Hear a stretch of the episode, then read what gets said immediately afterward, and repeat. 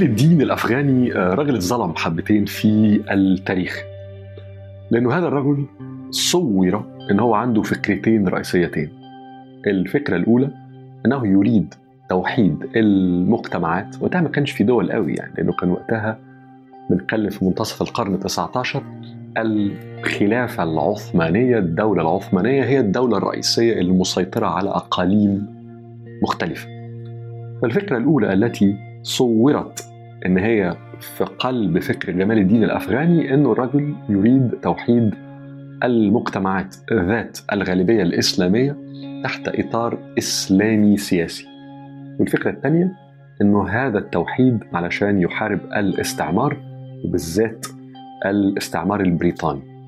في هذا الجزء من الحقيقة لكنه اختزال شديد لفكر جمال الدين الأفغاني لأن فكر الراجل كان أوسع وأعمق كثيرا من ذلك. أول حاجة عن جمال الدين الأفغاني أنه ليس افغانيا ولا حاجة. هو اتولد وكبر وكانت مراهقته وبداية شبابه في المنطقة اللي هي النهارده أجزاء منها أفغانستان، باكستان، إيران وأجزاء كبيرة من الهند. المنطقة دي كلها تاريخيا طالعه من أو كانت مش يعني شكلت من نفوذ ثقافي فارسي أو إيراني. على مدى يعني مئات السنين عائلة جمال الدين الأفغاني عائلة مقتدرة ناس تقال في المجتمع بتاعهم تنقلوا في أماكن مختلفة في هذه المنطقة فهو الفورميتيف ييرز بتاعته في هذه المنطقة. هو كان عنده إعجاب شديد جدا بالثقافة اللي هو نتاجها طالع منها. أول حاجة لفتت نظره قوي وكانت صراعه الأول ولذلك كتب عنها فيما بعد. فيما بعد يعني في بداية شبابه كانت إنه الوجود الإنجليزي البريطاني وقتها الاستعمار يعني اللي كان موجود وقتها طبعا في الهند بشكل رئيسي وواصل إلى ما هو النهارده باكستان وأفغانستان وغيره. ما كانش بس سيطرة سياسية ما كانش بس وجود عسكري ما كانش بس استغلال اقتصادي لكن بالنسبة له هو المشكلة الرئيسية إنه هذا الوجود الإنجليزي غير في كيفية إنه الإليت علية القوم في هذه المنطقة بيروا ثقافتهم. وهو شايف إنه الناس دي وقتها منتصف القرن ال19 بدوا إن هم يبقى عندهم انبهار شديد جدا وتأثر مهول قوي بالوجود الإنجليزي وانه الإنجليز يريدوا تدعيم هذه الفكرة انه الثقافة الإنجليزية هي ال progress هي ال refinement هي التطور التقدم الرقي وانه ده بيضرب الوجود الثقافي القديم جدا للثقافة الفارسية الإيرانية. علشان كده هذا الرجل في بدايات العشرينات بتاعته بدأ يكتب بشدة حبتين ضد الوجود الإنجليزي في هذه المنطقة. لكن كل القصة دي ممكن اعتبارها إنها بدايات تشكل أفكار.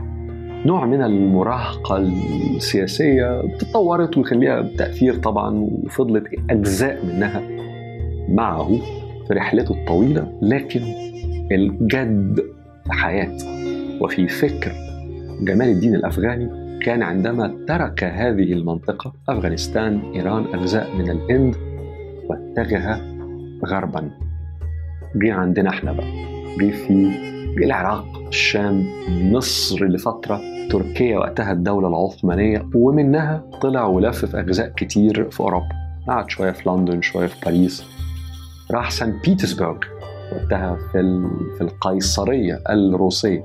وده نادر يعني إنه مفكر من هذه المنطقة وراح للشرق أو يعني جه عندنا إن هو يروح يقعد في سان بيترسبرغ راح قعد شوية في ميونخ في ألمانيا. هو راجل لف كتير قوي في هذه اللفة الطويلة بدأ إن هو يحاضر كثيرا ويتجمع حواليه مريدين. إن هو يقال إن هو أو من كتبوا عنه إن هو كان كاريزماتيك قوي لغته رائعة علم نفسه لغات مختلفة عنده طريقة ممتازة في الإلقاء وفي توضيح أفكاره.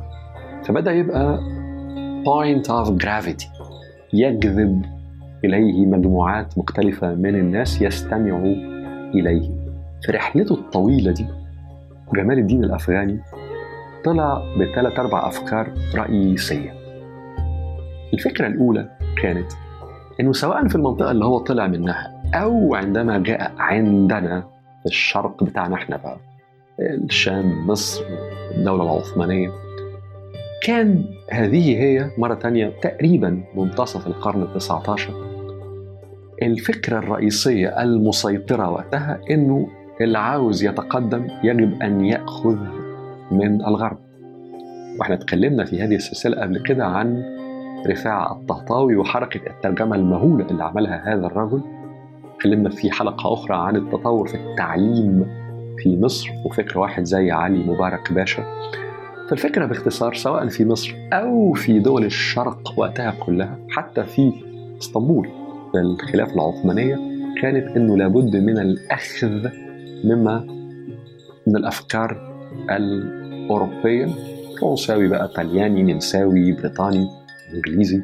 جمال الدين الأفغاني ما كانش ضد ذلك خالص بالعكس هو كان بيقول أنه لابد من التعلم من التقدم المهول لأوروبا. كان شايف وقال بمنتهى الوضوح إنه مش بس كفاية إن إحنا نأخذ واخدين بالنا بناخد إيه بالظبط والكواليفيكيشنز على اللي بناخده اللي هو اللي عمله رفاعة الطهطاوي إنه ما خدش كل حاجة كده ما ترجمش كل حاجة على عماها لا كتب qualifications وقال ده ينفع عندنا ده ما ينفعش حتى اللي ترجمه وهو مش راضي عنه كتب آراء فيه. جمال الدين الأفغاني كان مع كل ذلك أن يؤخذ من الغرب مع تفتيح المخ. مع النظر في الذي يؤخذ ويترجم آه كل شيء لكن مع توضيح إيه اللي ينفع وإيه اللي ما ينفعش وإيه اللي مناسب وإيه اللي يجب وضع qualifications عليه. لكن الفكرة الأهم لجمال الدين الأفغاني اللي هو كان أول حد قالها إنه الغرب اللي إحنا بناخد منه قد أتى إلينا مستعمرا أتى إلينا يريد السيطرة السياسية والإقتصادية وقد أتى عسكريا عشان يعمل القصة دي ولكن الأهم إنه الجانب الأخلاقي اللي عند الغرب اللي خلاه يأتي إلينا مستعمرا عسكريا وما عندوش مشكلة كان إحساس مش بس بالتفوق ولكن بالاستعلاء الحضاري. ودي نقطة مهمة قوي كانت عند جمال الدين الأفغاني في النصف الثاني من القرن التسعة عشر إن هو قال ووضح وإحنا بناخد يا جماعة من الغرب وبنترجم مش كفاية وبنتعلم وبنغير مناهج التعليم وكل القصة دي مش كفاية إن إحنا نكون بنعمل كومنتري ملاحظات على اللي بناخده ومفتحين عينينا. يجب فهم إن اللي بناخد منه الغرب مش بس هو وقتها مستعمر بلادنا ولكن لديه إحساس بالتفوق وبالعلو الحضاري مقارنة بنا. تلفت النظر النقطه دي لأنها تكررت مع كذا مفكر مهم في الشرق. آخرهم في رأيي كان في سبعينات ثمانينات تسعينات القرن العشرين المفكر الفلسطيني الأمريكي الشهير جدا إدوارد سعيد. الفكرة ما كانتش بعيدة عن بعض. اللي قاله جمال الدين الأفغاني تقريبا 100 سنة قبل إدوارد سعيد. تقريبا الفكرة هي هي. طبعا إدوارد سعيد توسع فيها في كتابه الشهير جدا الاستشراق Orientalism. دي كانت الفكرة الأولى لجمال الدين الأفغاني. الفكرة الثانية لهذا الرجل كان إنه فكرة الصراع الحضاري وإنه هم في الغرب ونحن في الشرق والحضارة الإسلامية في مقابل حضارة غربية تأثرت بالفكر المسيحي. كل القصة دي بالنسبة لجمال الدين الأفغاني لم تكن مقنعة قوي. هو كان عنده وجهة نظر أن هناك حضارة عالمية universal civilization. وانه هذه الحضارة العالمية حضارة flowing. واحدة بتسلم نفسها أو بتسلم أخرى إلى حضارة أخرى إلى ثقافة أخرى. يعني بيقول إنه كان في مدارس فكرية حضارية قديمة قوي أهمها مصر. الصين طبعا الهند فارس. وإنه هذه المدارس أو على الأقل بعضها زي مثلا فارس إيران مصر إدوا أفكار كتيرة قوي وقدموا تيارات فكرية فلسفية في غاية الأهمية وصلت إلى اليونان القديمة. طلع ناس بقى زي آه، سقراط زي بليتو زي ارسطوطل وغيرهم قبليهم طبعا المفكر المهول بيثاغورس ودول وما خبوش ده هم بالعكس كتاباتهم واضحه ان هم متاثرين بالفكر المصري وبعضهم بالفكر الفارسي اليونان خدت القصة دي طورتها لعدد من العقود أو مئات السنين ثم سلمتها إلى روما الدولة الرومانية اللي هي كمان طورتها وأضافت إليها و و إلى أن ذهبت إلى أوروبا. في فكر جمال الدين الأفغاني الموضوع مش موضوع إحنا versus هم إن هناك حضارة إنسانية كبيرة قوي ممتدة. One episode حلقة تسلم الأخرى. هنا في نقطتين مهمين. واحد إنه جمال الدين الأفغاني متأثر جدا بمفكرين أوروبيين مهمين. أهمهم جارتي الفيلسوف والشاعر الألماني المهول المهول. إنه الافغاني يكون متأثر بجارتي وبيوضح الفكرة بهذا الشكل ده في حد ذاته تخصيب حضاري رائع لمنتصف نهاية القرن ال 19 لكن النقطة الثانية وهي الأهم إنه في ناس صورت جمال الدين الأفغاني على إنه عنده insecurity يعني عنده نوع حتى من الطفولية إنه هو عاوز يقول للغرب لا إحنا مش أوحش منكم ولا حاجة ده إحنا عندنا حضارة عظيمة قوي في القرن الثامن والتاسع الميلادي وإحنا حفظنا الحضارة الغربية في بداياتها بليتو وارسطوطل وإحنا اللي وديناها للأندلس والأن... وإنتوا يا أوروبيين خدتوها من الأندلس. وهذا الكلام اللي أحيانا كثيرة هو تاريخيا صح لكن أحيانا بيقال على إنه نوع من ال defensiveness نوع من الدفاع كده الطفولي أحيانا اللي فيه insecurity آه، في ان إحنا عندنا إحساس أحيانا بالدونية أمام الغرب فعاوزين نقول لهم ان إحنا مش أوحش منكم يا جماعة إحنا عملنا شغل كويس. مش ده المنطلق بتاع جمال الدين الأفغاني. منطلق جمال الدين الأفغاني إنه الموضوع مش إحنا وإنتوا مش موضوع إن إحنا والله كنا عظماء في فترة معينة وإنتوا كنتوا تعبانين ودلوقتي أنتوا عظماء وإحنا تعبانين. لا الفكرة التي ينتمي إليها جمال الدين الأفغاني إن إحنا كلنا في إطار حضاري واحد ممتد. وهذه الفكرة مش بس كانت فكرة فيلسوف مهول زي جارتي هي أيضا كانت فكرة بليتو وأيضا كانت فكرة بيثاغورس. يعني الموضوع قديم قوي الفكرة الثالثة اللي قالها جمال الدين الأفغاني وهي تعقيب للفكرة الثانية أنه الحضارة الإسلامية هي أيضا حلقة من حلقات التطور في هذا الفلو هذا التدفق الإنساني الحضاري المهول. ولا يجب النظر إليها على أنها منفصلة تماما طالعة كده من التاريخ بعيد عن ما كان قبلها وعن ما جاء بعدها. لا هي حلقة من حلقات هذا التدفق الحضاري. النقطة دي مهمة لأنه أهم أو مجموعة من أهم المفكرين اللي الحضارة الإسلامية طلعتهم وبتفتخر بيهم قوي ناس زي الفارابي ابن سينا الرازي وهم طلعوا برضو من نفس المنطقة اللي جه منها جمال الدين الأفغاني. النطاق الفارسي في الحضارة الإسلامية إنه دول نفسهم كتاباتهم متأثرة جدا بكتابات بليتو مثلا اللي هو متأثر قوي بالكتابات المصرية أو الفلسفة المصرية.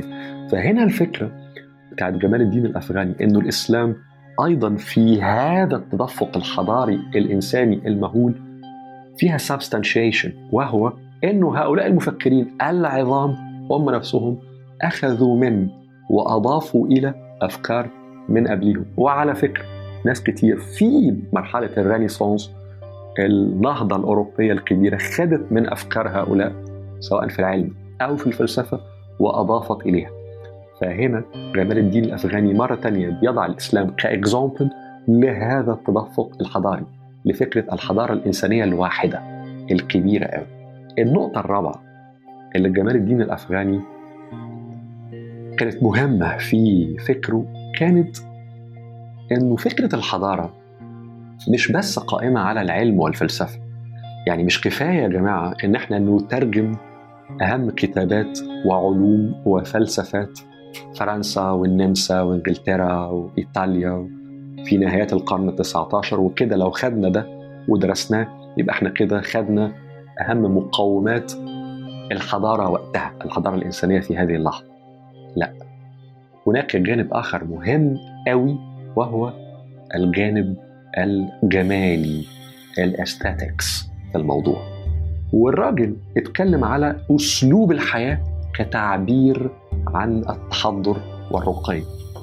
والنقطة هنا إنه مفيش علم وفهم للفلسفة ورقي من غير أسلوب في الحياة في حضارة. نظافة في المكان اهتمام بالجمال في المحيط العام.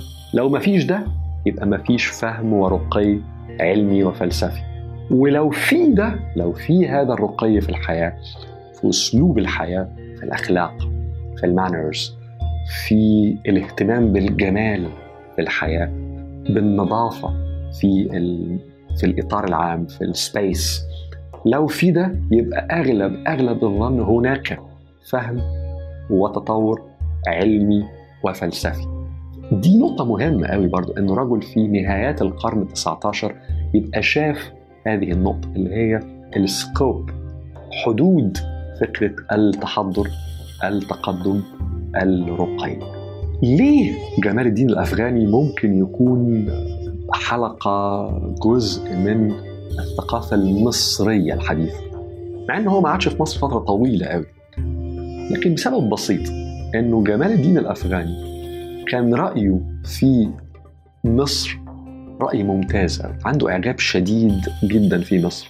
وإن كان ما كانش عنده إعجاب خالص بالأسرة العلوية أسرة محمد علي التي كانت تحكم مصر وقتها. يعني حتى إسماعيل باشا الخديوي إسماعيل إسماعيل العظيم يعني الرجل اللي عمل شيء مهول. والكثير من أفكار إسماعيل تلاقت مع أفكار جمال الدين الأفغاني إلا إن جمال الدين الأفغاني كان عنده رأي سيء للغاية في الخديوي إسماعيل. وهنا يعني رايي ورأي رأي بعض الناس أخرى إنه ده متأثر بإن الخديوي إسماعيل وقع في الدت وقع في الديون كتيرة قوي أجبرته إن هو يتنازل على العرش أو إنه يعني أجبر من الإنجليز والفرنسيين هو يتنازل عن العرش. ودي كانت بداية احتلال مصر وسقوطها أمام الغرب وقتها.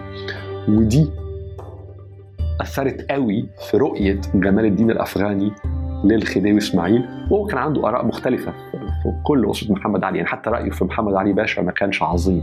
لكن بالرغم من هذا وبالرغم من ملاحظات له كثيرة على المجتمع المصري برضه ما كانتش ملاحظات رائعة يعني. إلا إنه كان عنده اهتمام كبير بمصر كدولة. وكان في رأيه إنه مصر وضعها الجغرافي والتاريخي في غاية الأهمية. جغرافيا لأن هي في رأيه حلقة الوصل ما بين الشرق الشرق هنا بقى مش مجرد الشام والعراق والجزيرة العربية لا ده واصل إلى إيران وإلى الهند. وما بين الغرب اللي هو أوروبا طبعا. وفي رأيه أنه حتى الموقع التاريخي لمصر مهم جدا لأنه مصر وبالذات مصر فترة اليونانيين البطالمة بالذات كانت حلقة الوصل ما بين ثقافتها وحضارتها هي أو اللي أضافته مصر الفرعونية مصر القديمة للحضارة الإنسانية وأيضا حلقة وصل مهمة قوي لما أضافته فارس أو إيران قديما وأنه الكثير من هذه الأفكار وجد طريقه إلى الغرب إلى أوروبا من خلال اليونان عن طريق مصر. فدور مصر التاريخي في وجهة نظر الأفغاني كان مهم للغاية. هو اتكلم كتير عن مصر. فهنا هذا الاهتمام الكبير بمصر وعودته إليها وكتابته بعض كتاباته في مصر تخلي جمال الدين الأفغاني حلقة مهمة نقطة يستحق التوقف عندها في الثقافة المصرية الحديثة. آخر نقطة بقى ليه هذا الرجل اللي أفكاره مهمة ومثيرة للاهتمام؟ ليه الكثير من هذه الأفكار ضاع من السرد العام؟ يعني هو موجود في الكتابات اللي أو الكتب اللي اتعملت عنه يعني. لكن في السرد العام ليه أفكار هذا الرجل العظيمة قوي المثيرة للاهتمام على الأقل ضاعت من ما هو associated باسمه؟ أنا في رأيي أولا لأنه كان رحالة. يعني ما قعدش في حتة معينة. وعمل مدرسة عمل جريدة عمل دوائر ثقافية تلتف حوله وتبقى تلامذة تطلع من عنده كتير. كان رحالة. فما كانش له مكان معين. ما فيش مرحلة معينة يمكن القول إنه وهو في مصر أو وهو في إسطنبول أو وهو في باريس عمل كينونة كبيرة حواليه تركت أثر كبير. ما حصلش. حتى الجرائد اللي عملها بسرعة وهو بره ما عاشتش كتير. السبب الثاني أنه لم يكتب كثيرا. هو كتب مقالات آه لكن ما كتبش كتير قوي. يعني ما عندوش كتب أمهات كده كتير تدرس ويعاد النظر فيها. الكثير من أفكاره كانت تلقى على مريدين له تجمعوا حوله في أماكن مختلفة. النقطة الثالثة أنه أقرب الناس إليه. تلميذه الرئيسي وشريكه في أعمال كثيرة الشيخ محمد عبده في مرحلة لاحقة اختلف مع أفكار جمال الدين الأفغاني غير أن محمد عبده نفسه أصبح مدرسة مهولة. فأحيانا كتير قوي كان الناس اللي اهتموا بفكر محمد عبده اهتموا بفكر محمد عبده مش بأفكار ربما محمد عبده تأثر بيها بوجوده مع جمال الدين الأفغاني. ملخص القصة دي إن هذا الرجل جمال الدين الأفغاني مفكر تقيل قوي. أي حد عايز إنه يفهم أو يفكر على الأقل في تسلسل الثقافة المصرية الحديثة والثقافة الشرقية الحديثة يستحق جمال الدين الأفغاني وقفة معه.